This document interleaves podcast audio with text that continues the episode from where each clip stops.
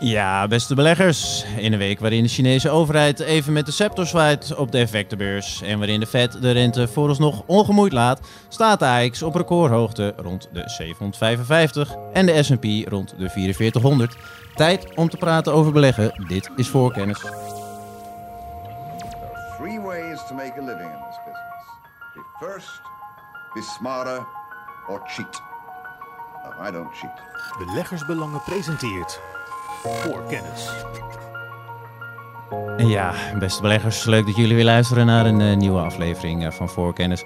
Mijn naam is eh, Maarten Butteman en samen met de beleggingsspecialisten Karel Merks en Stefan Hendricks gaan wij weer kijken wat er allemaal speelt op de aandelenmarkten de afgelopen week en wat er allemaal gebeuren gaat. We gaan het hebben over de Fed, over de mijnbouwers en uiteraard kunnen we niet om China heen. En eh, terug van vakantie, eh, net als ik zelf overigens, is ook Stefan Hendricks. Stefan, eh, leuk dat je er weer bij bent. Waar heb jij allemaal naar gekeken de afgelopen week op de beurs? Vertel. Nou, voor mij, Maarten, ook leuk dat jij er weer bij bent trouwens. Ehm, eh, ja, iemand moet dat toch zeggen, Maarten. Ja, de, afgelopen dagen heb ik natuurlijk vooral ook weer gekeken naar de eh, enorme stortvloed aan kwartaalcijfers die we hebben gehad. Ik wil er twee uitpikken. Eh. Pfizer en BAE Systems. Nou, we hebben begin april hebben we het eh, gehad in, in de podcast over beleggen in defensieaandelen. Nou, een van die defensieaandelen, BAE Systems, kwam vandaag met cijfers. Ah, die waren gewoon goed. Omzet 6% hoger, winst per aandeel 31% hoger. En wat voor mij als dividendbelegger natuurlijk heel prettig is, is dat ze het interim dividend met 5% hebben verhoogd. En voor 500 miljoen pond aan eigen aandelen gaan inkopen. En sinds wij het er in april over hebben gehad, is het aandeel gewoon netjes gestegen. 10%, eh, eh, 10% verder. Dus dat loopt heel erg goed. En dan natuurlijk een ander aandeel dat ook in onze hoogdividendportefeuille zit, Pfizer, waar natuurlijk ook heel veel aandacht voor is ehm, vanwege het coronavaccin natuurlijk. Maar die hadden ook daardoor vrij spectaculaire cijfers, tweede kwartaalcijfers. Mhm. 19 miljard dollar omzet in het tweede kwartaal, waarvan 7,8 miljard alleen al van het coronavaccin. Daar wordt ook nog eens de omzetprognose voor dat hele, eh, eh, die hele coronavaccin omzet, eh, dus die wordt ook omhoog gegooid van 26 miljard naar eh 33,5 miljard. Daardoor ook de winstprognose omhoog, dus van ongeveer 3,60, 3,60 dollar per aandeel dit jaar naar waarschijnlijk zo'n 4 dollar per aandeel. Ah. Wat dan wel fascinerend is, eh, begin van, ehm, van dit jaar had ik dan nog allerlei eh, terechte vragen overigens van eh, onze abonnees en ook op het forum van Beleggersbelangen. Ja, waarom doet die koers helemaal niks? Ja. Eh, want ja, die deed een tijd lang niks, Maarten. Dus die lag er gewoon een beetje slapjes bij. Dus we begonnen dit jaar op nog geen 37. Zakte die weg naar 33,5. Maar eindelijk, de afgelopen eh, weken, komt die koers gewoon echt in beweging. Gisteren naar de cijfers ook 3% hoger. En nu staan we op eh, 43 eh, en een halve dollar zo ongeveer. eh althans gisteren. Eh, ja, en dat, was, dat is eigenlijk wel eindelijk, zou je zeggen, ehm, komt Pfizer een, een beetje van zijn plek af. In Ik, beweging. ik heb er nog wel een vraag over, Stefan. We hebben natuurlijk Pfizer gehad, die gezegd heeft dat het vaccin waarschijnlijk elke twee maanden met 6% punt minder effectief is. Mhm. er komen ook meer geluiden over booster shots. Denk jij dat dit al is ingeprijsd? Of als we werkelijk iedereen nog een derde prik gaan geven, kan Pfizer nog eh, veel verder omhoog? Hoe zie jij dat? Ja, dat is, dat is een hele goede vraag, Karel. Want dat heeft ook heel erg te maken inderdaad met... Is dit, is dit nou houdbare omzet of niet? Hè? Want Ja. het bedrijf werd... Daarom, ging die koers natuurlijk een tijdje lang ook niet omhoog. Omdat ja, toch veel beleggers dachten... Ja, dat is in één keer in eenmalige meevallen. En daarna is het over en uit hè, met eh, de coronavaccin omzet. Ja, Pfizer durft inmiddels ook al te spreken een beetje over dat... dat bepaalde opdrachten die ze hebben gekregen van overheden, contracten die ze hebben afgesloten, maar dat dat ook al omzet zal zijn die in 2022 zal vallen. En op het moment dat we een booster shot gaan krijgen, dus een, misschien een derde vaccinatie, of een aanpassing van het vaccin aan nieuwe varianten, dan blijft dat nog wel doorlopen. Dus het is denk ik een, uh, uh, een, een omzetstroom die niet alleen dit jaar eh, maar ook volgend jaar nog wel iets doet. Maar je moet het wel even in, in perspectief zien. Dus dit jaar zou Pfizer dus ongeveer 33 miljard dollar om kunnen zetten met alleen het coronavaccin. Er is nog nooit een medicijn geweest in de wereld waarmee in één jaar zo'n enorm bedrag werd omgezet. Um, Ja. En ik moet heel eerlijk zeggen, weet je, zelfs al in het ergste scenario dat het alleen maar dit jaar voor Pfizer gunstig is, dan nog eh, kun je zeggen dat de positie van Pfizer als gevolg van dat coronavaccin zoveel sterker is geworden. Want ja, ze halen natuurlijk ongelooflijk veel geld mee binnen, waarmee ze allerlei mogelijkheden hebben om hun eh, pijplijn aan nieuwe medicijnen, want dat hebben ze echt nodig naar 2025, om die weer uit te breiden. Dus er is geld genoeg bij Pfizer. En als je dan wil zeggen, nou weet je, ik, ik wil Pfizer gewoon eens clean zien. Hè? Dus even los van die enorme coronavaccin omzet. Nou, die, die cijfers geeft Pfizer ook. Daar geven ze ook winst per aandeel prognoses voor dit jaar. Nou, die ligt zo ongeveer op de eh eh 2,60 dollar per aandeel. Dus dan op die basis is de koers-winstverhouding ook nog maar, nou wat zal het zijn, ongeveer 16,5 voor Pfizer. En een dividendrendement van 3,6% Dus zelfs als je het allemaal wat negatief zou willen zien, ja, dan nog is dit is de corona eigenlijk enorm gunstig geweest voor Pfizer. Niet alleen voor die vaccins, maar ook, en dat is niet onbelangrijk, nu ze eenmaal weten hoe die mRNA-vaccins werken, nu ze eenmaal het productieproces, en dat hebben ze echt enorm goed gedaan, veel beter dan andere bedrijven, enorme schaal op gang hebben gekregen, betekent dat er ook de deur nu, die eerst op een kier stond, die staat nu wagenwijd open ook naar andere mRNA-vaccins tegen andere aandoeningen. Ik- Dus voor Pfizer is dit wel een doorbraakjaar. Oké, ik, ik, kort vraagje Stefan, eh, want dan gaan we verder. Maar ik ben eh, benieuwd ten eerste, die zei 2025 moeten ze echt aan eh, nieuwe medicijnen hebben, moet de pijplijn gevuld zijn. Dat is blijkbaar gaat het zo kort af dat het drie jaar is, dat proces dat je vooruit kan kijken bij die fabrikanten, of begreep ik dat verkeerd? Eh, nee, nee, maar dat ligt, niet, dat ligt net ietsje anders. Je, je kunt de, ehm, eh, zien wanneer belangrijke patenten aflopen. En eh, rond 2025 en iets verder loopt een aantal belangrijke patenten of succesvolle medicijnen af. Dus Pfizer heeft in zijn prognoses gezegd, nou tot en, tot en met ongeveer 2025 verwachten we een jaarlijkse omzetgroei van 6%. Dat gaan we allemaal wel Ah, halen. Ook, even los, Ja. ook even los van die coronafactor. Maar daarna, en dat was eigenlijk een van de redenen waarom die koers zo lang is blijven liggen, daar was iedereen een beetje sceptisch over, over hoe Pfizer dan dat gat zou gaan dichten een beetje. Want op een gegeven moment heb je natuurlijk, ja, er komen nu wel nieuwe medicijnen, maar die zijn dan in omzet nog niet hard genoeg gestegen om het omzetverlies van die patentverliezen weer goed te maken. Eh, dus, dus dat gat moet een beetje gevuld worden en daartoe heeft Pfizer nu ook echt eh, alle mogelijkheden. Dus Ja. op zich, ja, ja, er is heel veel kritiek op ze natuurlijk, hè, van nou, ze eh, geldwolven, et cetera. Maar voor, ik heb ze zelf in portefeuille, dat moet ik er altijd wel even bij zeggen. Ehm, maar ja, voor, voor beleggers. Voor beleggers, eh, adviseurs. De auteur heeft een positie. Ja, nee, precies. Dat moet, dat moet er altijd even bij. Maar ik vind het ook belangrijk eh, om, eh, om, om dat te zeggen, zodat iedereen weet vanuit welk perspectief ik praat. Ehm, maar ja, ze hebben zichzelf natuurlijk. kijk, ze hebben risico genomen. En ze hebben ja, een soort zilvervloot binnengehaald.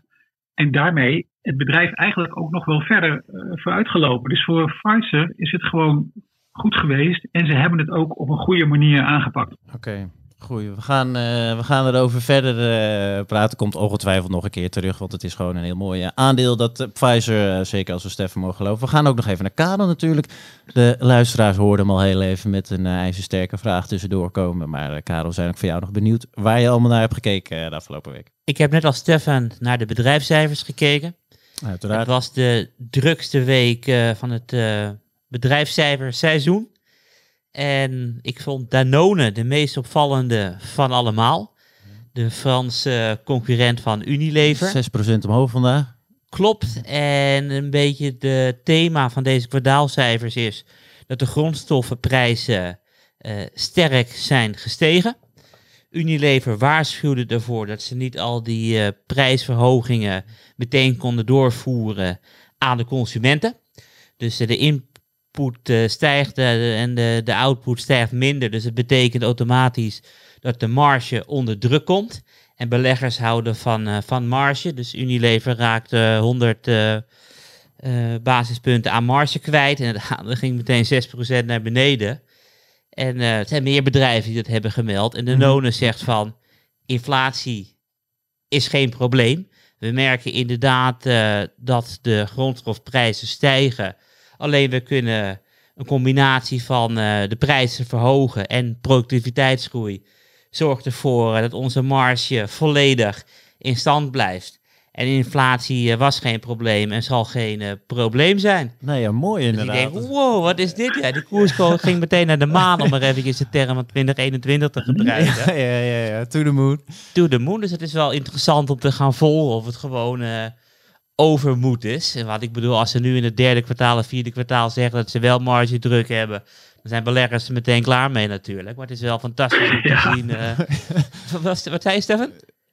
Ja, nee, precies. Hij was het met je Wat eens. Ja, want het is ook een beetje een, eh, een, wel een enorme witte raaf. Hè? Eh, ik bedoel, ik kijk voor de hoogdividendportefeuille ook naar Kimberly Clark. Nou, die had echt een, een soort eh margekrater. Het is wel heel goed dat je dat hierdoor. zegt over Kimberly Clark, Stefan. Want dat begrijp ik helemaal niet. Want op het moment dat ik wc Want wat, is, wat is daar gebeurd? Even, Ja, zij hebben gezegd dat zij de wc-papierprijzen niet kunnen verhogen met, eh, ten opzichte van de, de grondstoffenprijzen om wc-papier te maken. ja. En dat snap ik niet. Ik bedoel, want eh, ik kijk echt niet of wc-papier 2,18 euro is of 2,48 euro. Ik pak gewoon een wc-rol mee. En ik, dus ik bedoel, waarom kan je die prijzen niet verhogen? ja. Ik eh, weet niet, Stefan, Nou, heb jij daar een antwoord op?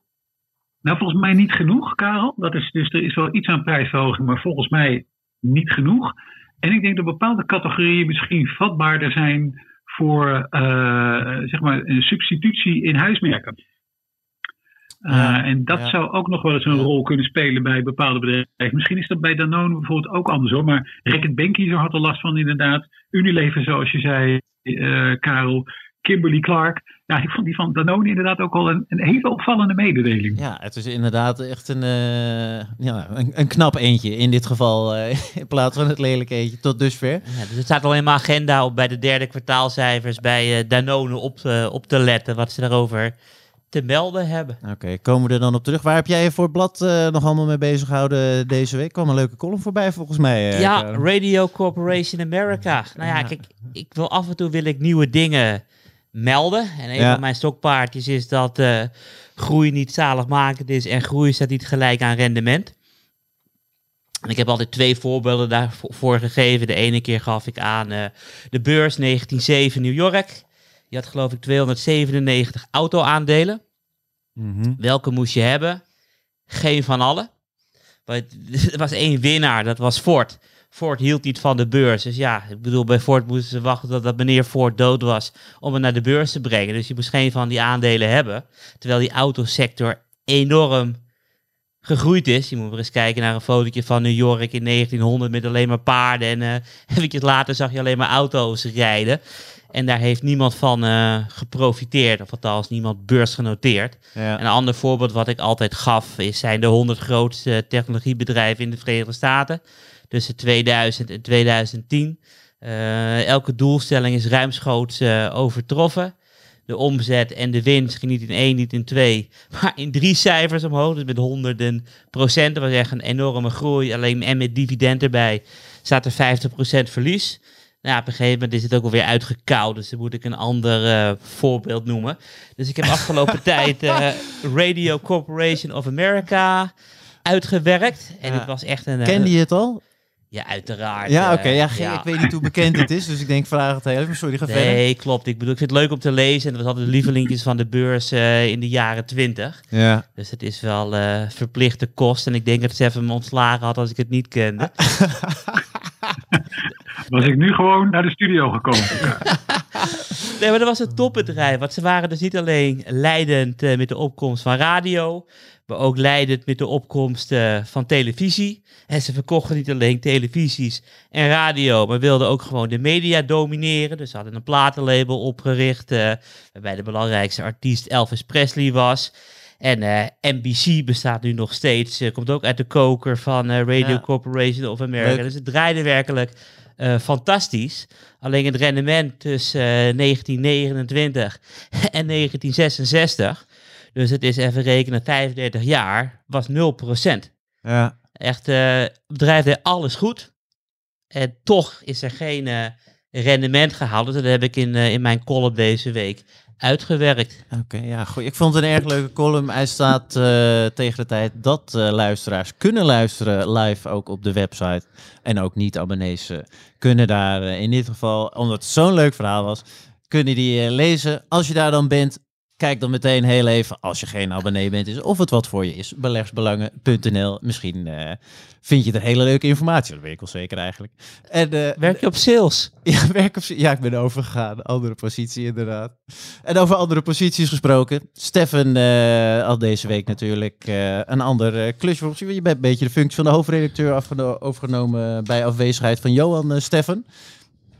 Valt daar een beetje Ja, een leuke invulling aan te geven? Was het druk? Was het chaos? Valt het mee?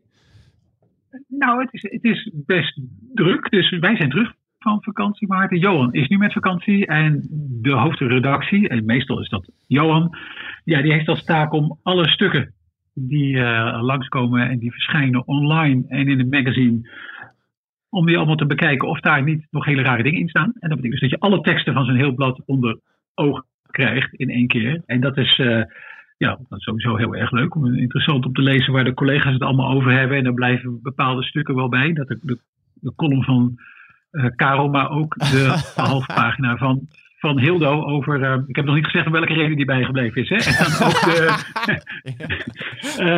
eh, ook de, bijvoorbeeld de halfpagina van Hildo over alfabet. En, en dan Ja. moet je dat bijna twee keer lezen om te kijken, is het inderdaad echt waar? Ja, die verdienen zo onvoorstelbaar veel geld. En ook over Apple. Dat is de, het is, was natuurlijk een enorm druk cijferseizoen. Ja. Eh, en het is ontzettend interessant om te zien eh, hoe de interpretatie is van ons, maar ook wat die bedrijven eigenlijk allemaal zeggen over hoe het met hen gaat. Alright. Ja, nou, we komen later nog terug, want je hebt ook een schitterend commentaar geschreven over eh, China. Maar die eh, gebruiken we als mooie intro eh, om ons laatste stuk eh, te gaan eh, behandelen. Tot die tijd gaan we Zeker. verder, want we hebben nog een paar leuke onderwerpen op de planning. Voorkennis. En eh, we noemden het al heel even, want eh, de mijnbouwers, dat eh, is onder andere een onderwerp dat we gaan eh, behandelen. Het was een tijdje geleden al behandeld in, in relatie tot de olieaandelen. Er komt er veel cash binnen, maar bij de mijnbouwers is dat net even wat anders. Steffen, waarom moeten we hier naar kijken? Vertel. Ja, precies, heel goed dat je zegt, Maarten. We hebben er een, nou, bijna op de kop af een maand geleden over gehad. En het gaat eigenlijk ontzettend goed met die grote mijnbouwers. Hè? Dus Rio Tinto, BHP en Anglo-American had ik, eh, heb ik het destijds over gehad. Alleen zei ik, de vraag is, wat gaan die bedrijven nou eigenlijk doen met die ongelooflijke hoeveelheden eh, geld die zij binnenkrijgen als gevolg van die sterk gestegen grondstoffenprijzen? En, en in het verleden hebben ze zich nog wel eens vergalopeerd in of belachelijke overnames, in het geval van Rio, of het opstarten van veel te veel projecten, waardoor er eigenlijk ontzettend veel investeringen werden gedaan, die later weer hele slechte rendementen opleveren, et cetera. Nou, twee van die bedrijven, die zijn nu met cijfers gekomen. Dus eh, eh, Rio Tinto en Anglo-American. En die cijfers gaven in ieder geval een, deel een beetje een antwoord op de vraag van wat gaan ze met die eh, cash doen. Want voor allebei gold recordwinsten, maar gelukkig ook voor de aandeelhouders recorddividenden. En, ehm, en dat is interessant hoe ze dat uitkeren. Dus eh, om eens te beginnen met Rio Tinto, die keert over een half jaar 9,1 miljard dollar aan dividend uit. Een gigantisch bedrag. En dat hebben ze netjes verdeeld in 6,1% is regulier dividend en 3 miljard is speciaal dividend. Dus het, de payout ratio, dus het deel van de winst dat als dividend uit wordt betaald van het reguliere dividend, is ongeveer procent of 50. Dan zie je hetzelfde beeld bij Anglo-American. Dus die keren over een half jaar 3,1 miljard dollar aan dividend uit. Ook weer netjes verdeeld in regulier en speciaal. Het reguliere dividend is 2,1 miljard. Dan nog 1 miljard aan speciaal dividend. En nog eens een keertje 1 miljard aan uh, aandeleninkoop. Hmm. Zij keren ongeveer 40% uit van uh, de winst als uh, regulier uh, dividend. Dus dat zegt mij eigenlijk al wel iets over wat die bedrijven aan het doen zijn. Dus ze zijn duidelijk bezig ook om heel veel geld aan de aandeelhouders terug te geven. En ook duidelijk maar goed onderscheid te maken van nou, dit is regulier, dit is misschien wel wat meer houdbaar richting de toekomst. En Ja. dit is een extra extraatje dat je krijgt als aandeelhouder, omdat het nu echt, nou, het komt met bakken binnen, nu bij die bedrijven. Oké. Dus, dus dat is één, Maarten. En verhoudt twee, die, die aantallen, die 40% die je noemde eh, bij die laatste, in ieder geval, hoe verhoudt zich tot wat ze normaal eh uitkeren in de jaren hiervoor? Is het zoveel hoger? Nee, dat, dat, dat, dat schommelt een beetje, omdat soms de, eh, de dividenduitkeringen een beetje met de winst mee bewogen. Mhm. En soms werd het ook gewoon of bij- bijna eh, geschrapt, of in ieder geval, ja, volgens mij in het geval van Rio Tinto zelfs eh, geschrapt, als ik me niet vergis, eh, ook nog een keer. Dus die, zijn- die zijn nogal cyclisch, maar ik heb het idee dat die bedrijven ook proberen nu ja, er, er wat, wat iets meer stabiliteit in aan te brengen. En dividend is natuurlijk één mogelijkheid om iets met je geld te doen. En de tweede mogelijkheid zijn natuurlijk, waar ik het net al over had, hè, die, die extra investeringen.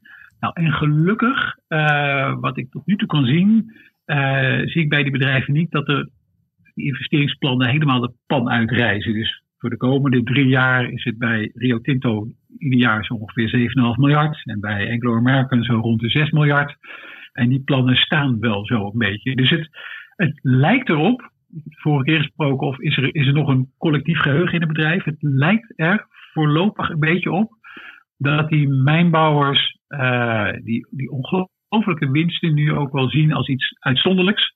En niet iets op basis waarvan je mm, als een dolle eh, maar geld moet gaan uitgeven aan nieuwe projecten of overnames. Ik hoop in ieder geval dat ze dat volhouden. Waarom, waarom is dat eh slecht? Tenminste, ja, ik kan me voorstellen namelijk dat op de langere termijn eh, een investering beter is voor een bedrijf dan een dividenduitkering.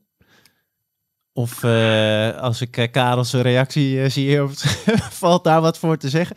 Dat is blijkbaar niet het geval. Waarom eh, zou dat anders zijn, Stefan? Nou, dat is, eh, dat is helemaal niet zo'n ehm, eh, dat is helemaal niet zo'n slechte veronderstelling, Maarten. Die- Want je hoopt natuurlijk dat een bedrijf met, met de winst die ze maakt, kunnen investeren en verder kunnen groeien. Ja. De vraag alleen is, hoeveel investeringen heb je nodig om houdbaar verder te kunnen groeien? En wanneer ga je zo ontzettend veel investeren dat, het, dat die investeringen die je eigenlijk gaat doen in de toekomst ook niet meer zo rendabel zijn? Bijvoorbeeld omdat er gewoon te veel wordt geproduceerd, waardoor de prijzen in elkaar klappen, waardoor je winst in elkaar klappen, waardoor je dividend misschien eh, moet verlagen en aan allerlei andere problemen komt. Dus dat is, eh, eh, je loopt altijd als bedrijf natuurlijk een beetje een, eh, een, ik kan, het Nederlandse woord kan ik even niet opkomen, maar wat ze in Engels zeggen, een fine line. Hè? Dus er zit een dun lijntje tussen Ja. Een goede beslissing of een slechte beslissing. Je weet dat ik het in de podcast wel eens vaak heb over Linde, hè, industriële gassenproducent. ja. Schoolvoorbeeld van een bedrijf dat heel goed zijn eh, kapitaalallocaties, zoals we dat noemen, op een rij heeft. Dus heel erg goed weet wat ze per jaar moeten uitgeven aan investeringen om te groeien. Investeringen om het bedrijf gewoon gaande te houden. Dividenduitkering en aandelen inkopen. Die hebben dat heel, heel erg goed eh, in de smiezen. En die dat ook al, voormalig Praxair eh, is dat, ook al jarenlang op die manier. Dat is een bedrijf dat, dat, eh, dat die discipline houdt. En je hoopt bij bedrijven natuurlijk dat ze investeren in groei, maar wel met enige discipline. En dat doen de mijnbouwers nu eh, goed, als ik jou begrijp in ieder geval. Het Daar- is ja, vanwege die scheiding tussen speciaal en normaal dividend geven ze aan van jongens, we gaan niet volle bak. dit is wat je kan verwachten en dit niet. Ja, precies. Daar, daar heeft het inderdaad nu, en fingers crossed, hè, eh, eh, daar heeft het inderdaad nu alle schijn van. En ook het feit dat er niet ontzettend veel eh, extra geïnvesteerd wordt in nieuwe projecten. Want het geld is er nu natuurlijk. Hè. Het geld brandt bijna in je zakken als je zo'n mijnbouwer bent. Want ze zijn ook bijna allemaal schuldenvrij. Dus er is werkelijk niets, maar dan ook niets dat die bedrijven tegenhoudt om het ene na het andere project op te starten. Of om sectorgenoten over te nemen, et cetera. Dus de, ik, ik vond het wel bemoedigend dat er nu al vrij snel heel veel van, dat, eh, eh, van die enorme cashflow die er verdiend is in eh, de eerste helft van dit jaar ook naar de aandeelhouders toe gaat. Is het overigens bij deze mijnbouwbedrijf, wat overal is volgens mij een, nou ja, een teveel aan cash, wil ik bijna zeggen. Ik kan geen artikel lezen of er worden aandelen inkoop eh, aangemeld. Is het alleen bij hen of is het ook in andere sectoren zo'n bonanza? Nee, je ziet het wel, nou Karel weet dat ook al, je ziet het wel bij meerdere sectoren. Ik, begon, mijn, ik begon de podcast met BAE Systems. Ja. Eh, ja, die, die hebben dus kennelijk ook, die, die genereren ook inmiddels weer heel veel cash. Ja, en die zoeken daar ook een bestemming voor. Dus je ziet dan een beetje een combinatie van dividend wat verhogen. Ja, en als we extra hebben en we zien niet echt de investeringsmogelijkheden daartoe, uh, aandelen inkoop maar. Ja. Uh, dus dat zie je inderdaad, maar dat heb je goed gezien. Dat zie je bij, uh, bij meerdere bedrijven nu wel, waar, ja, waar de winst ontzettend sterk herstelt. Maar die winsten van die, vind die mijnbouwers is echt wel extreem. Dus okay. die, die zijn van een, een, een moeilijk half jaar in 2020 naar een fantastisch half jaar gegaan nu. Uh, en dan, ja, dan moet je iets met dat geld. Ja, helder. Karel, jij wilde nog uh, een vraag stellen slash een opmerking maken. Klopt. Uh, zoals de luisteraars weten ben ik ook een enorme grondstoffenboel. Ja. Dus de, de vraag is die ik zou willen stellen is... We hebben het allemaal over tijdelijke recordwinsten. Maar wat nou als deze winsten niet tijdelijk zijn, maar blijvend? Ja. de komende jaren. Want in Economist hadden ze deze week een artikel dat uh, fossiele brandstoffen bezig zijn uh, met een comeback. En uh, zij verwachten dat in 2021 de wereldwijde elektriciteitsgroei 5% zal zijn en in 2022 4%. En 45% daarvan zal komen door de verbranding van fossiele brandstoffen. En ik volg onder andere uh, het kolenbedrijf Peabody. Ja. En de reden waarom kolen zijn echt uh, verschrikkelijk vervuilend. Dus als de wereld ergens vanaf wil voordat ze van olie af willen, dan is het uh, kolen. En wat ik ook geloof ik twee weken geleden zei in China, de Verenigde Staten, Duitsland en Frankrijk is over de afgelopen twaalf maanden het percentage elektriciteit dat opgewekt is door middel van het verbranden van kolen gegroeid. Dus we kunnen ook niet eens uh, van die kolen af. En dit is eigenlijk de, de eerste keer in de geschiedenis dat wij van een uh, efficiënte vorm van energieopwekking naar een minder efficiënte vorm van energieopwekking gaan. En hoe sneller de wereld over wil naar een minder efficiënte energievoorziening. En hoe minder bedrijven gaan investeren en lekker dividenden uitkeren, hoe enthousiaster ik word uh, op lange termijn over grondstoffen. Dus misschien ook wel leuk om mijn uh, omslagverhaal van een half jaar geleden, of verhaal van de weken voor de online lezers over uh, beleggen in grondstoffen erbij te zetten. Want ik bedoel, ik ben nog steeds enthousiast. Ja, nee, ja, heel goed. En het was ook een heel leuk uh, artikel overigens. Dus ik zal hem inderdaad. In, zeg ook een keer dat het niet leuk zetten. is, Maarten. Ik bedoel, je bent wel. Je vindt ja, alles leuk. Er zitten ook artikelen tussen waarvan ik denk, ja, god, die zijn we ook nog over het algemeen. Ja, het is gewoon een heel leuk blad uh, om te lezen. Hint richting de luisteraar. Maar uh, goed, om nog heel even terug te komen op een mooie. Uh, want Peabody had je inderdaad al eerder uh, gemeld. 1400 ja. procent sinds de Amerikaanse presidentsverkiezingen. Inderdaad. We gaan en als je dan kijkt wat uh, alternatieve beleggingen hebben gedaan in waterstof vanaf januari, dan ja. is het huilen. No. Met een plug power en zo. Noemt even een mooie naam. Ik ben van Stefan ook nog wel heel even benieuwd voordat we verder gaan. Uh, wat eventueel, want je noemde een paar namen, zit er voor jou nog eentje tussen die het echt het beste doet uh, wat betreft dividendgroei, investering en uh, leende-achtige bedrijfsvoering?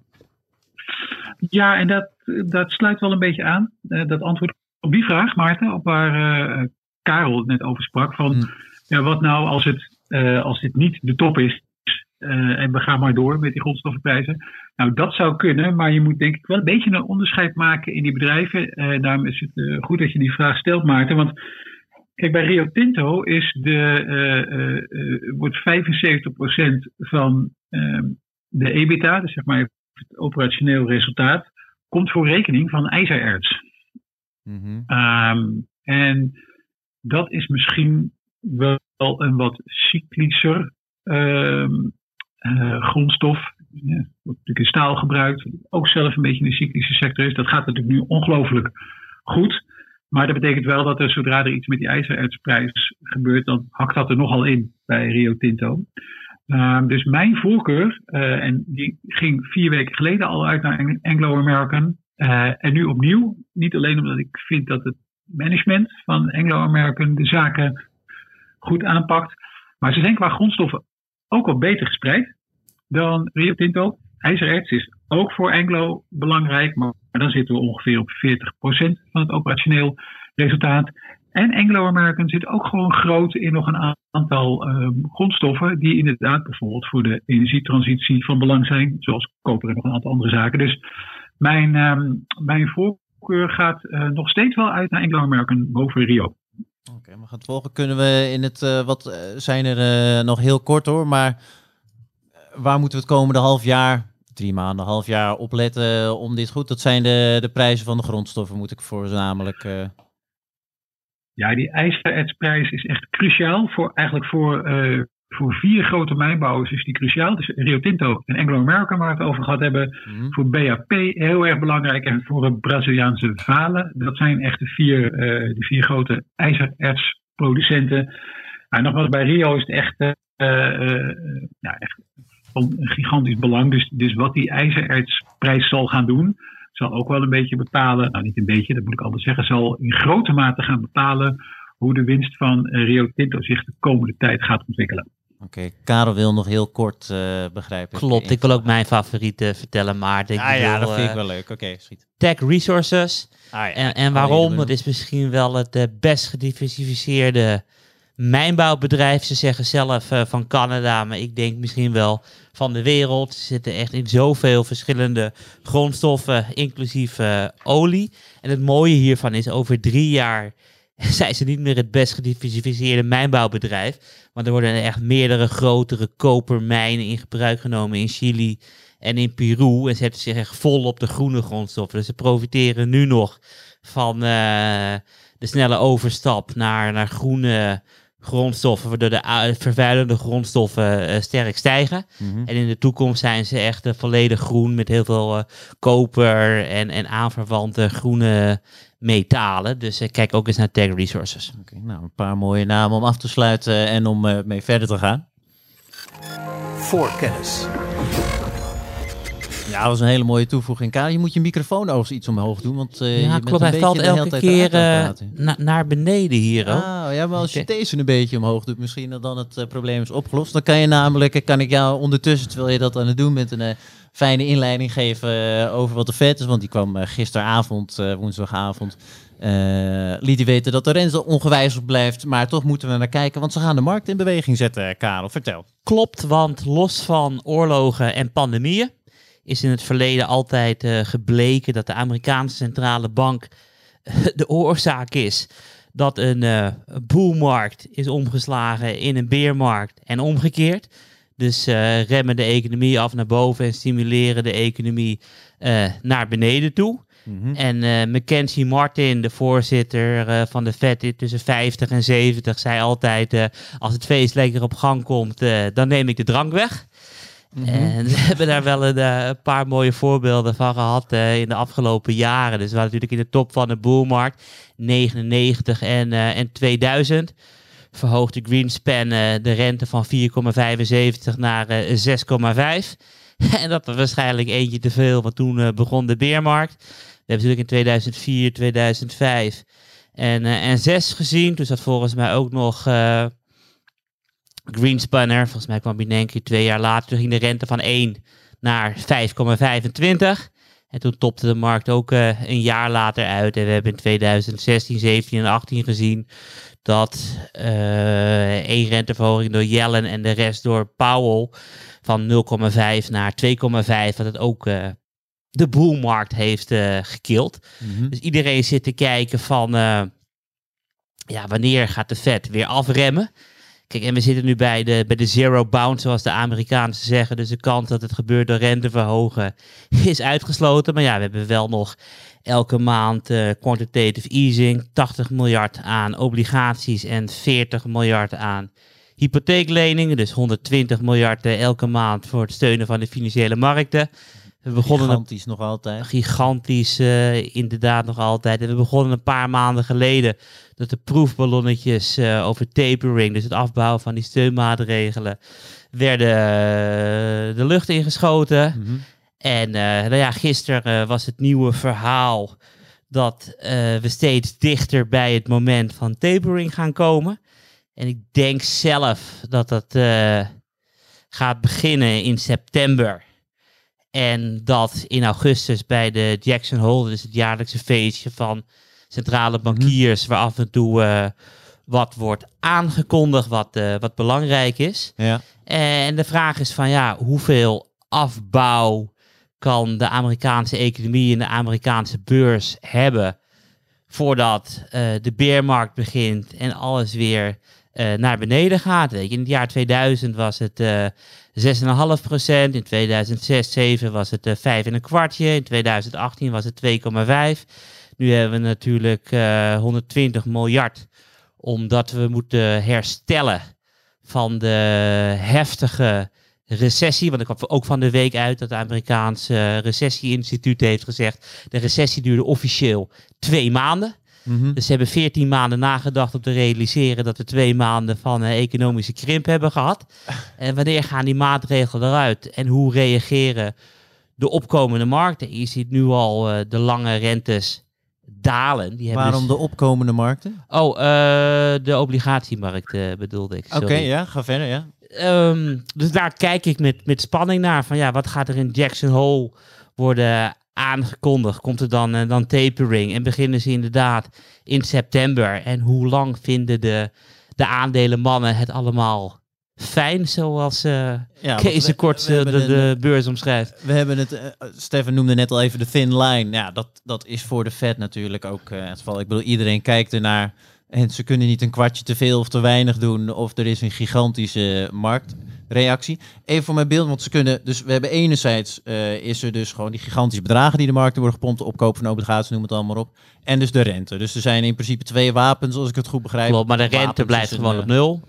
De rente dus blijft gewoon niks op aan nul. doen. Kijk, en het gaat er niet om van eh 110 miljard de markt in pompen. Is nog steeds heel veel geld als ze elke maand er 10 miljard af gaan halen. Mhm. Maar in de financiële markt is de rate of change vaak ook wel belangrijk. Dus de eerste afgeleide. De eerste afgeleid, sorry, die begrijp ik heel even niet. Eh, dus op het moment dat het van 120 miljard naar 110 miljard gaat, is de eerste afgeleide min 10. Gaan we dus eh, Ah, elke oké. maand eh, minder stimuleren. Is de eerste afgeleide is negatief. En in september lopen ook heel veel eh, steunprogramma's af in de Verenigde Staten. Ja. En wat we ook een paar weken geleden gezegd hebben, de Citigroup Surprise Index is inmiddels onder de nul gedoken in de Verenigde Staten. Mhm. Dus de economische cijfers zijn nu eh, ietsje slechter dan analisten denken. Dus de komende maanden worden echt eh, Spannend. spannend. Oké, Stefan, jij, eh, ik vermoed dat jij gisteren eh, op woensdag voor de luisteraars is onze deadline dag. dus dan, eh, wat Stefan juist zei over het lezen van alle stukken, dat is op woensdag eh, helemaal. Dus was je nog op tijd klaar om eh, de vetvergadering eh, mee te wonen of niet? Mee te maken? Ja, en anders, en anders nemen we dat altijd tussendoor mee. Dus nee, dat is zeker wel op zich. eh, ja, het is wel belangrijk genoeg, hoe- hoewel tegelijkertijd eh, ja, ook weer niet wil overdrijven. En we, en we moeten het ook nog maar zien. Want volgens mij waren er vandaag groeicijfers eh, in de VS. Die waren dan weer onder verwachting. Dus die scoren ook weer niet hoog op de surprise index. Mhm. Ehm, ja, eh, wat, wat opvallend is, denk ik, is nu het verschil eh, tussen de ECB en de Federal Reserve. Je ziet bij de Federal Reserve toch nog wel in ieder geval enige wil of wens, ik weet niet precies hoe ik het moet interpreteren, om, om iets van dat extreem stimulerende beleid nog een beetje terug te draaien. Bij de ECB heb je dat eigenlijk helemaal niet. Die willen gewoon vol doorgaan. Dus er zit wel een, eh, een, een, een aardig verschil tussen ECB en Federal Reserve. Maar we moeten ook nog maar zien of de economische groei allemaal zo goed is dat de Federal Reserve dat, zoals Karel zegt, bijvoorbeeld kan gaan aankondigen in augustus. Of misschien iets later, dat ze iets van dat extreem stimulerende beleid willen terugnemen. Want je ziet het wel dat het ontzettend lastig is voor centrale banken. Zodra ze dan een beetje op de rem trappen en of markten reageren daar negatief op, of de groei of inflatie vallen te ver terug, dat ze heel snel weer terugkomen rennen om het te herstellen. We hebben ook op de een of andere manier lijkt het dat er eh, bijna geen tolerantie meer is voor een recessie. Misschien ben ik al eh, Ja. zo oud dat het, dat, dat het gewoon was dat je een economische cyclus had.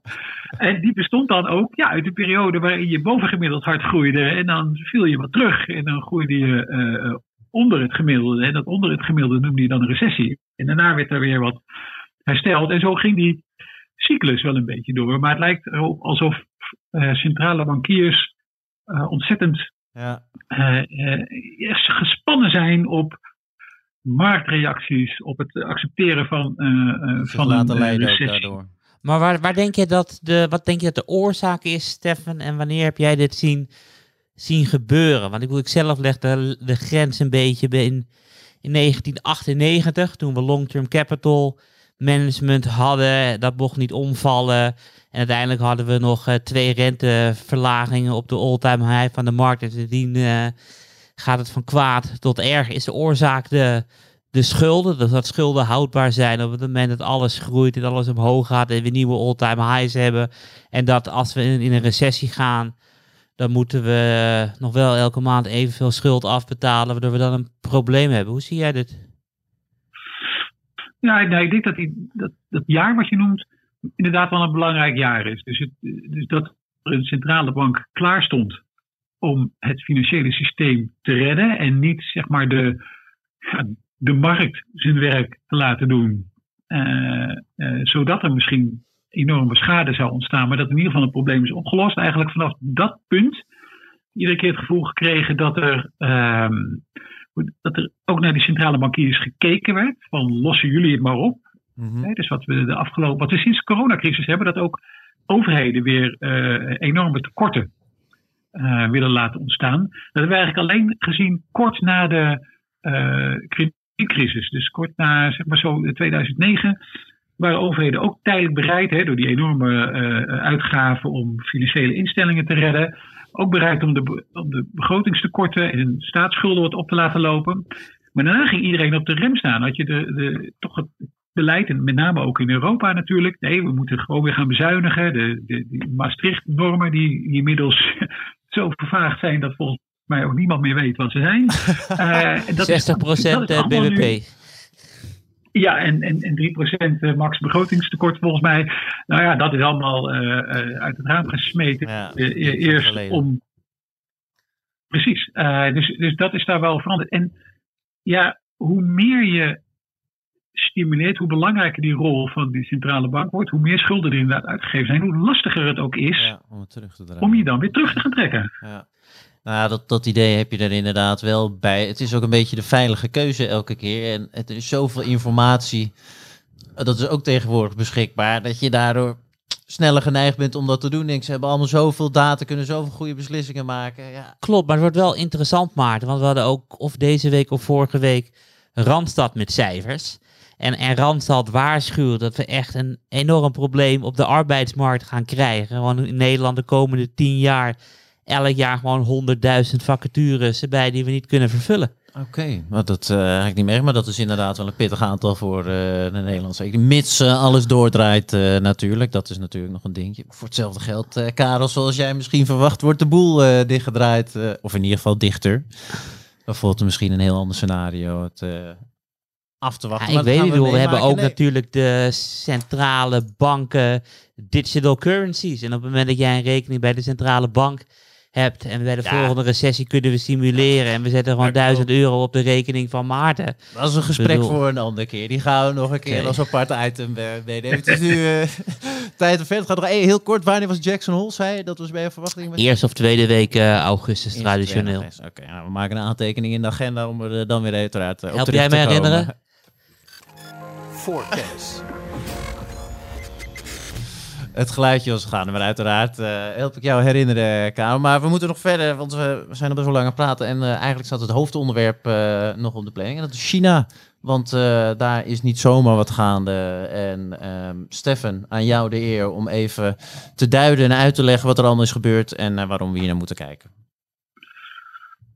Nou, eind vorige week en begin deze week raakte de, in ieder geval de koersen van een aantal Chinese bedrijven uh, en Chinese indices in shock nadat er uh, opnieuw wat harder werd ingegrepen door de Chinese overheid. En ik heb inderdaad, zoals jullie al zeiden, uh, afgelopen week het, het hoofdredactioneel commentaar aangeweid. En dan zegt ja, de, het westers kapitalistische systeem zou altijd geleid worden door de onzichtbare hand van Adam Smith. Het Chinese economisch systeem wordt geleid door de nogal zichtbare en harde hand van Xi Jinping, de Chinese president. En die hand deelt af en toe een fikse klap uit. Bijvoorbeeld afgelopen week helemaal out of the blue eigenlijk. Nou, misschien niet helemaal out of the blue. Aan een aantal Chinese educatieve bedrijven. Nou, dat was in, geloof in maart al een waarschuwing gegeven. Dat die, de prijzen misschien te hoog waren. Dat de Chinese ouders te veel geld uit moesten geven aan de opleiding van hun kinderen. Ja, en opeens komt er dan een, eh, een, een uitgelekt memo de wereld in. Waarin eigenlijk wordt gesteld dat die, dat die sector heel anders moet, geregeld moet gaan worden. Eh, dat memo wordt bevestigd. En eigenlijk staat daarin dat een deel van die sector gewoon non-profit moet worden. Dus je moet je eens voorstellen, je hebt gewoon een bedrijf, dat bedrijf run je voor winst. En dan zegt de overheid dat is hartstikke mooi, maar die en die activiteiten zijn vanaf nu non-profit. Nou, dan kan je je wel voorstellen wat je daar als belegger van vindt. Als jij opeens te horen krijgt dat een, uh, een deel van de activiteiten van de bedrijven waar je in belegt door een overheid als non-profit worden gezien. Dus Ja, de koersen van die. Dat doet heel veel pijn. Dus die koersen gingen die klapten voorkomen in elkaar. Ergens tussen de 60 en de 70 procent. Dat waren in, eh, in Amerika genoteerde educatieve uitgevers. Maar het ging, dat, is- dat redelijk obscuur, die, eh, misschien die, eh, die sector. Maar ook was er weer regelgeving voor Meituan. Dus het is een, ehm, eh, een maaltijdbezorger. Die ook zijn personeel anders moet gaan eh, behandelen.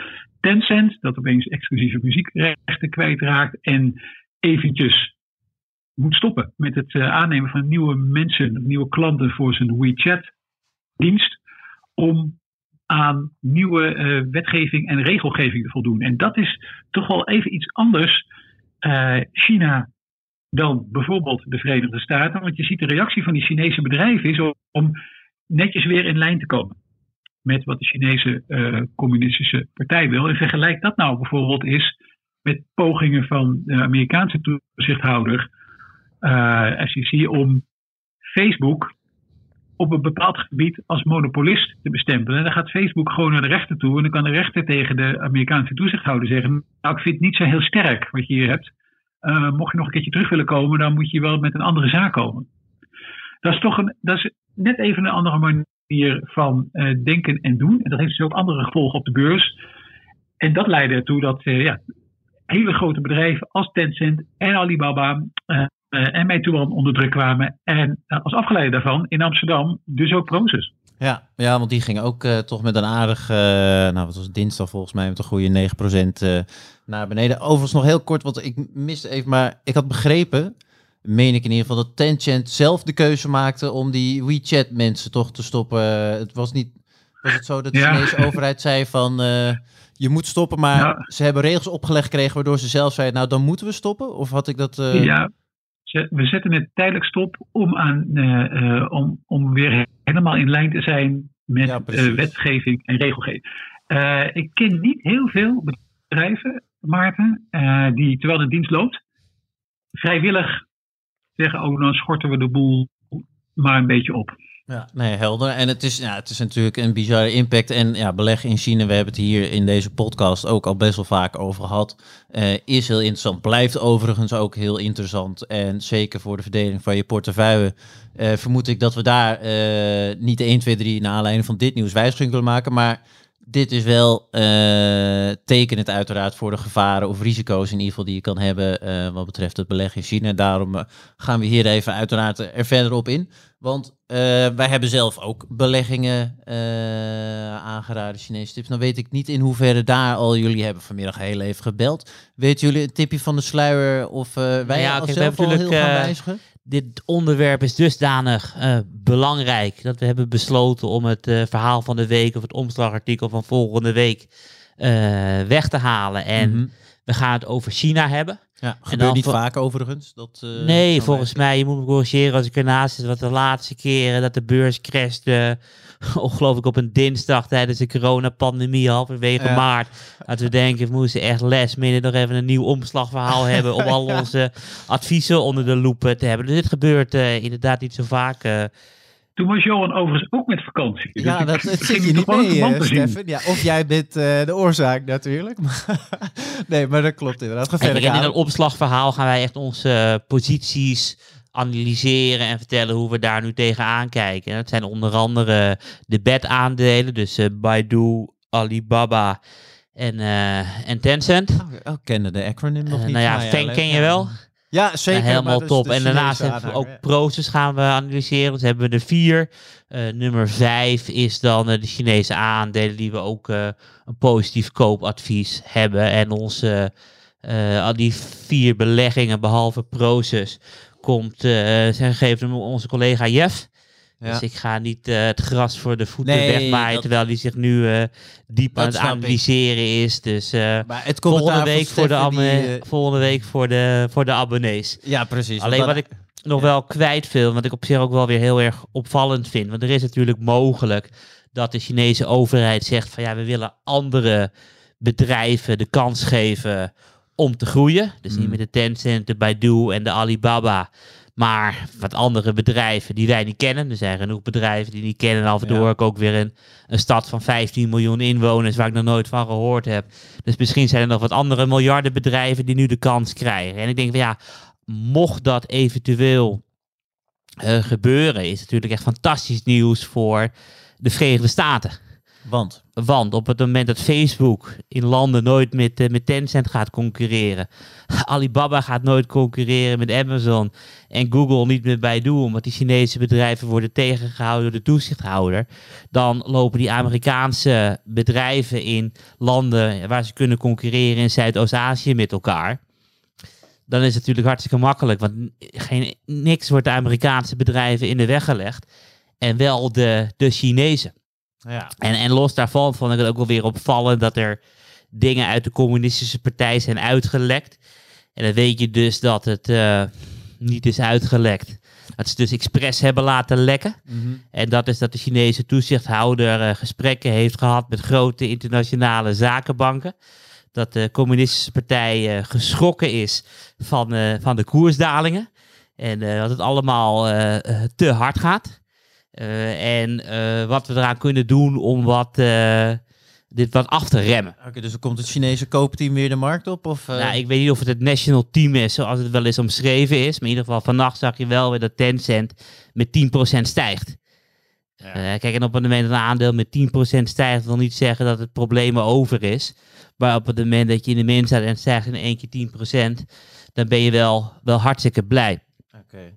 Alleen waar Dat is waar, Karel. Maar er staat tegenover dat in Ja. de grote kredietcrisis ook nog eens aandelen van banken, ook inmiddels het niet meer bestaande Lehman Brothers, volgens mij ook nog eens tussendoor enorm fantastisch fijne koersreacties hadden. eh, om vervolgens later eh, alsnog helemaal door het putje te gaan. Oh ja, helemaal, helemaal akkoord. En de beste koersdalingen vinden altijd plaats in beermarkten. Wat ik zelf wel mooi vond, is dat de Amerikaanse overheid eh, eh, TARP, dus het Treasury Asset Relief Program, eerst had, eh, had weggestemd. Toen ging de S&P eh, min 10. En toen weer, en daarvoor was het aangenomen. En toen ging de S&P eh, plus 10. Dus ik bedoel, die grote dagen die zijn niet echt heel erg positief. En als je dan kijkt naar de beste dagen in de Dow Jones. We willen rustige dagen We hebben. willen over het rustige dagen met een, eh, met een lage fix. eh. Ter- en terug naar China, want die, we beleggen in China. wij zitten zelf ook in. Maar wat, stel ik ben belegger, ik zit in China. Ik heb, nou ja, wat, ik heb Alibaba, ik heb een ETF en misschien nog een of ander fonds. Eh, even voor de meest algemene belegger, Stefan. eh, wat is nu wijsheid, los van niet impulsief reageren uiteraard. Maar waar moeten we nu naar kijken de komende maand om even te volgen of ik eventueel na een gedegen analyse zoals jouw eh, schitterende commentaar, die ik overigens ook in de show notes zal zetten, aangeef. Maar waar moeten we naar kijken om dan wel vervolgacties in die nodig uit te voeren? Nou, belangrijk is natuurlijk wat, eh, eh, of, het, of het nemen van dit soort maatregelen nu enigszins gaat afnemen. Want het kwam wel allemaal vrij eh, kort achter elkaar en vrij hevig en vrij ingrijpend. ook Mhm. nog. Dus de, dat is het eerste punt.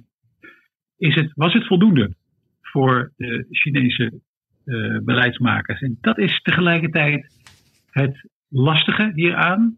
Omdat we misschien gewend zijn om oordelen te vellen over bedrijven op basis van, nou, hoe vaak is het woord cashflow al hier niet langsgekomen? Eh, en dat is nu in China een beetje lastig, omdat je te maken hebt met een eh, overheid die, eh, die zo machtig is dat ze die bedrijven ook gewoon echt in één keer kan sturen. En dan gaat eigenlijk al die andere elementen op basis waarvan we aandelen analyseren, die, die worden even geparkeerd. om maar zo te zeggen. Dus belangrijk is om te kijken wat er, ehm, eh, wat er op regelgevingsgebied gebeurt in China en of het hiermee een beetje is afgerond of niet. Ehm, en daarvoor moet je volgens mij ook, en daar kan ik denk ik ook nog wat een en ander over vertellen, maar ook wel gaan kijken naar wat er op de obligatiemarkten allemaal gebeurt. Want de afgelopen dagen was heftig op de aandelenmarkt. Maar er is al wat langer speelde er zaken op de obligatiemarkt. Ehm, waarbij bijvoorbeeld de Chinese overheid ietsje makkelijker, soepeler, uh, misschien een beetje het foute woord lijkt te zijn, met het ehm, op de fles laten gaan van bepaalde bedrijven. Dus niet meer alles en iedereen wordt gered. Maar kennelijk mogen er ehm, wel wat bedrijven verdwijnen. En volgens mij, Karel, had jij je niet verdiept een beetje in Evergrande? Volgens mij. Klopt, nou ja, klopt. Ik ben sinds 2015 eh, ben ik uh, de obligatiemarkten in, in China aan het volgen. En de, en de hoofdreden daarvoor was dat we in, uh, in drie dagen tijd, in 2015 augustus, een 3% devaluatie van de yuan hadden gekregen. En de hele wereld schrok zich echt een hoedje. Ik bedoel, de AX ging in negen handelsdagen met, uh, met 20% onderuit. Het was echt heel erg heftig. En toen dacht ik van, wow, 2015, twee weken tijd, uh, negen handelsdagen, 20% lager AX. Louter door die devaluatie van yuan? Klopt. Oké, ja. Klopt, wat ik bedoel, de Chinese yuan is redelijk uh, stabiel. Het is een compleet afgesloten uh, economische center. Dus ik bedoel, je kan geen geld naar China verplaatsen en je kan het er niet uithalen. Het is gewoon wat het is. En ze proberen die valuta. Vroeger was het echt ten opzichte van de dollar en nu is het ten opzichte van een mandje met de grootste tradingspartners uh, gelijk te houden. Dus ik volg de kredietmarkt op de voet. Mm En vooral de laatste weken gaat het redelijk heftig aan toe. Ik bedoel, high-yield leningen. Stefan heeft het meerdere keren in deze uitzendingen naar voren gehaald. Dat echt in Europa en in de Verenigde Staten de high-yield geen high-yield meer is. Dat is echt, uh, het risico is hetzelfde, maar die rendementen zijn heel erg laag. Niet in China, maar daar hebben ze nog rente en risico. Op 1 juni was de rente daar high-yield markt 8%. En op 22 eh, juli was dit gestegen naar, naar 9%. En de afgelopen week knalde het zelf naar 11,6%. Uh, procent. Dat is één uh, rechte lijn omhoog. Dus de vraag is, uh, wat is er aan de hand? Uh, ik... de, de risicocoupon die je krijgt als je die obligaties Ja, klopt. Ja? Dus je krijgt nu 11,6 procent rente. Dat is dus een, een hoge risicoopslag. Want Chinese staatsobligaties noteren onder de 3. Dus je krijgt ruim 8 100 basispunten risicoopslag. En hoe meer risicoopslag uh, je krijgt, nou ja, hoe hoger in potentieel uh, het rendement, want de risicoopslag kan dalen. Maar ja, op het moment dat er risico is, kunnen er ook ongelukken gebeuren. En we hebben in de Verenigde Staten gezien dat die risicoopslag tot ruim 2000 basispunten is gestegen. Dus niet meteen uh, all-in gaan, alsjeblieft, luisteraars. Nee. Helder. Dus wat er is één bedrijf die de hoofdrol speelt. Dat is Evergrande. En dat is de, een van de grootste vastgoedbeheerders of vastgoedbedrijven in de Verenigde Staten. Uh, China moet ik zeggen, sorry. En ze hebben een balans van 335 miljard. Dus dat is echt een, uh, een hele hoge balans. Het is ook junk. Kredietwaardigheidsbureau S&P verlaagde gisteren was dat zelfs. Hmm. De kredietrating met twee stapjes naar beneden van B plus naar, naar B min. Mhm. En uh, de beurswaarde van Evergrande is in een jaar tijd gedaald van 40 naar, naar 8 miljard. En het ziet eruit als een glijbaan. Dus er zijn zelden zijn er uh, bounces te zien. Ja. En de vraag is een beetje, uh, hoe ver mag dit doorgaan? En de Chinese overheid laat nu bedrijven over de kop gaan. En de vraag is van hoe ver willen ze de stress in de high yield markt nog, nog opvoeren? Weet je, en ik zelf uh, ben heel erg geïnteresseerd in de Industrial Commercial Bank of China. Waarom? Grootste bank op de wereld. Uh, okay. Een balans van uh, 5240 biljoen, of, miljoen, of miljard. Dat is 5,25 biljoen. Dat is echt heel erg groot. Ja. Als je kijkt naar de grootste bank van Amerika, die, JP Morgan heeft een balans van 3,6 biljoen. Dus met SIP de, de grootste bank. En die koersgrafiek ziet er echt dramatisch uit. Want uh, we zijn twee weken geleden onder de paniekloop van 2020 gezakt.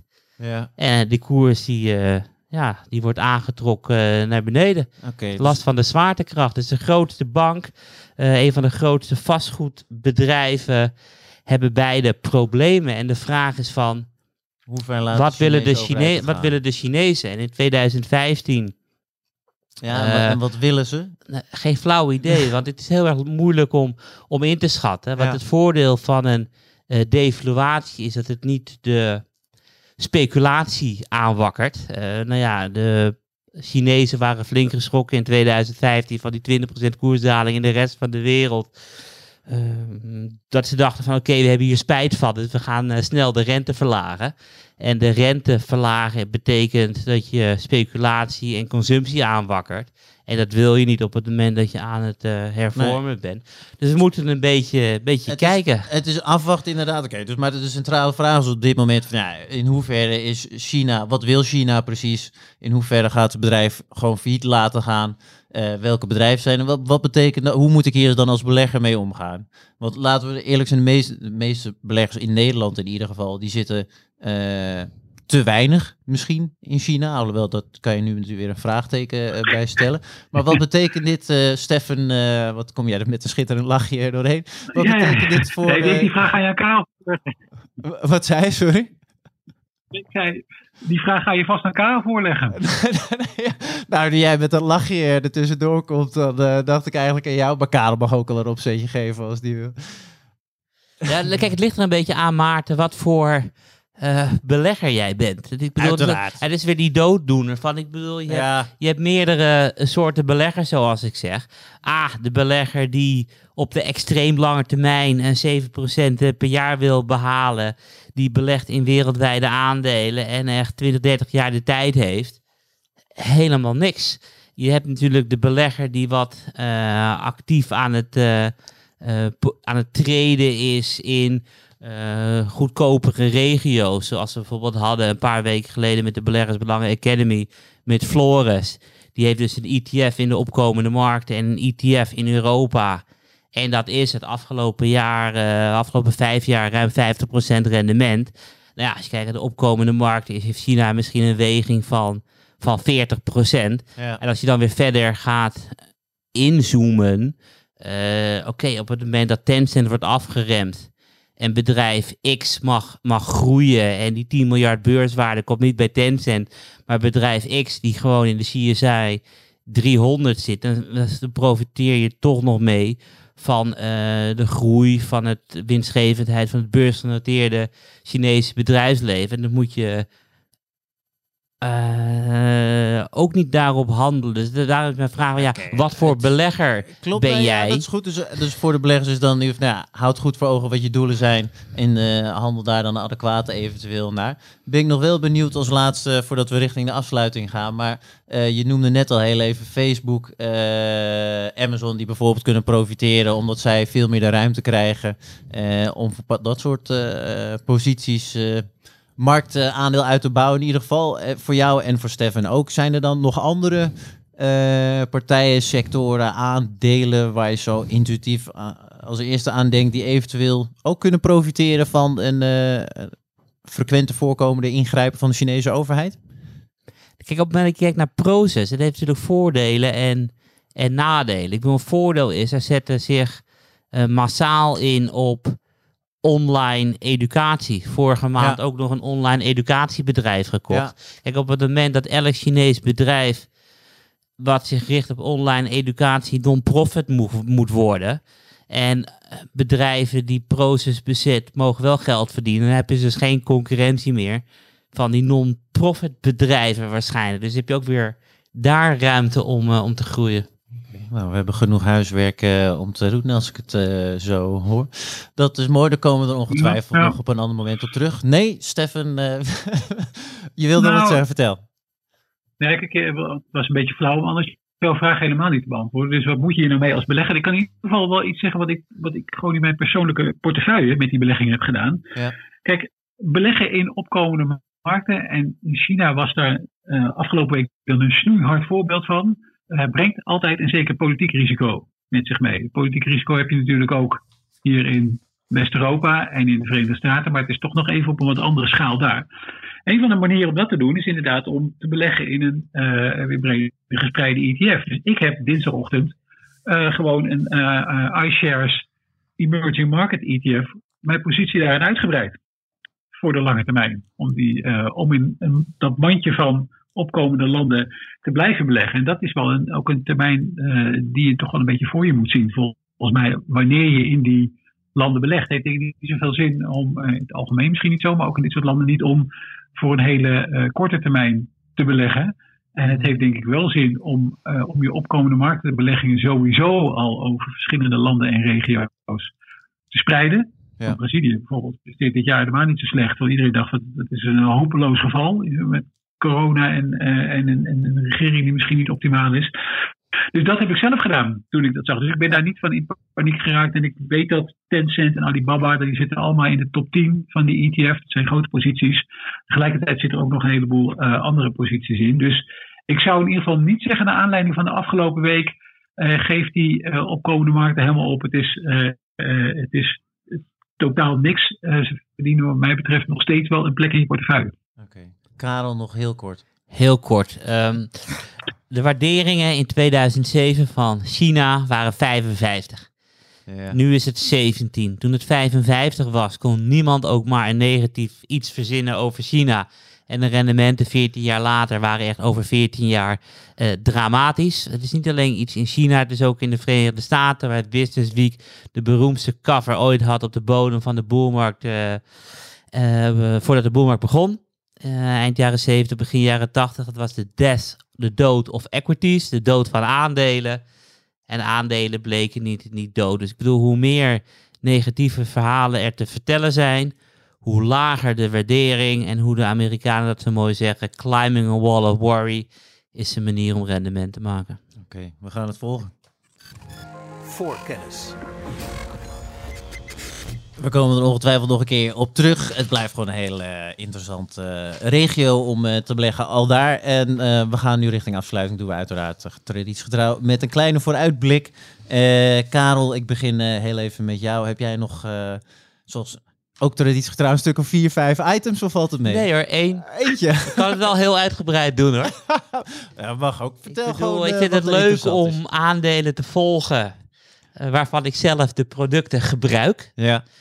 Dus, uh, nou ja, wat ik vaak zeg, uh, Ben Jerry's is een heerlijke bak ijs. ik bedoel, dat kijk ik bij Netflix. Dan heb je Netflix uh, en Unilever, maar die zijn al geweest. Maar komende week komt Disney. Ik heb afgelopen weekend weer de movie Frozen gezien. en ik bedoel, het blijft fantastisch. Dus ik kijk weer uit naar Disney. Daar een mooi aandeel.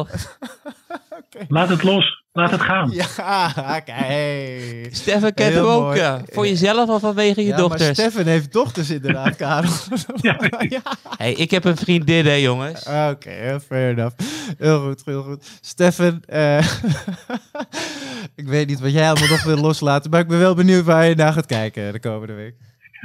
Nou, daarover verder niet al te veel. Uh, waar ik naar ga kijken zijn um, uiteraard de bedrijfscijfers en de uitspraken natuurlijk over het dividend. Want uit de hoogdividendportefeuille komen 1L, EPFI en eind volgende week Allianz met cijfers. En daar ben ik uiteraard heel erg benieuwd naar. En ook naar alle uitspraken over het dividend van die bedrijven. Alright, well, goed. Dan uh, komen we daarmee. Ja, heb ik toch nog het woordje. Dat is wel leuk voor de luisteraars die nu nog aan het beluisteren zijn.